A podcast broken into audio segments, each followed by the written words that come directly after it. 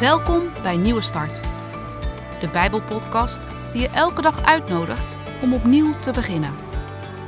Soms kan het leven ingewikkeld zijn, maar je hoeft het niet alleen te doen. Vandaag heeft Ageet Palland een boodschap voor je.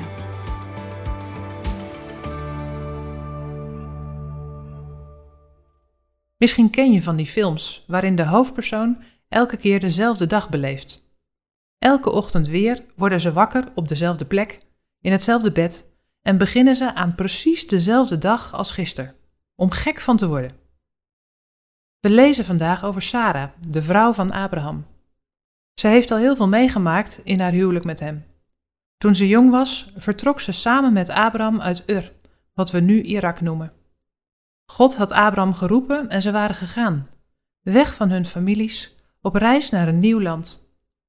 En daar, in dat nieuwe land aangekomen, kreeg Abraham de belofte dat dit land eens aan zijn nakomelingen zou behoren.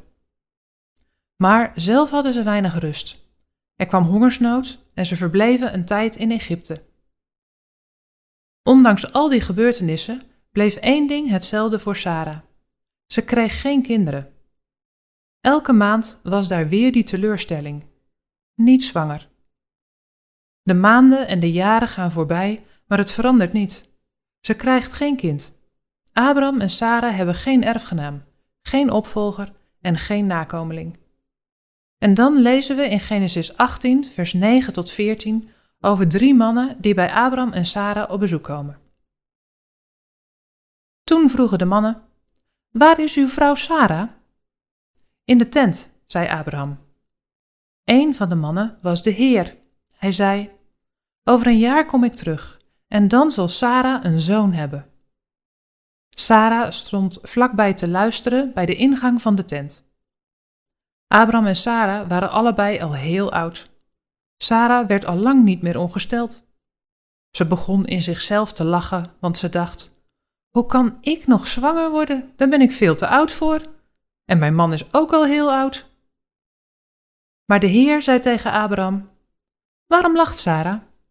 Waarom denkt ze dat ze te oud is om een kind te krijgen? Voor mij is toch niets te moeilijk? Over een jaar kom ik terug en dan heeft Sarah een zoon. Sarah lacht om die woorden. Wat een gekkigheid. Ze zijn bejaard. Hoe kunnen Abraham en zij nog een kind krijgen? Na al die jaren waarin ze gehoopt en gebeden hadden en waarin niets veranderde, Sarah kan het niet geloven. En toch, een jaar later wordt Isaac geboren. En Sarah zegt dan: God heeft ervoor gezorgd dat ik weer lachen kan. God komt zijn belofte na, ook al lijkt het onmogelijk. Hij is een God van wonderen. Op een andere plek in de Bijbel lezen we dat het zelfs een van de namen van God is: wonderlijk. We krijgen niet altijd wat wij denken dat goed voor ons is, maar God luistert naar ons. Hij vervult zijn beloftes aan ons. En we bidden daarom vandaag: Heere God, u bent wonderlijk.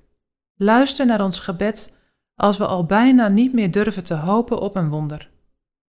U weet wat goed voor ons is en u doet altijd wat u heeft beloofd. Geef ons het vertrouwen dat u ons kent en naar ons luistert. Wees heel dicht bij ons. Amen.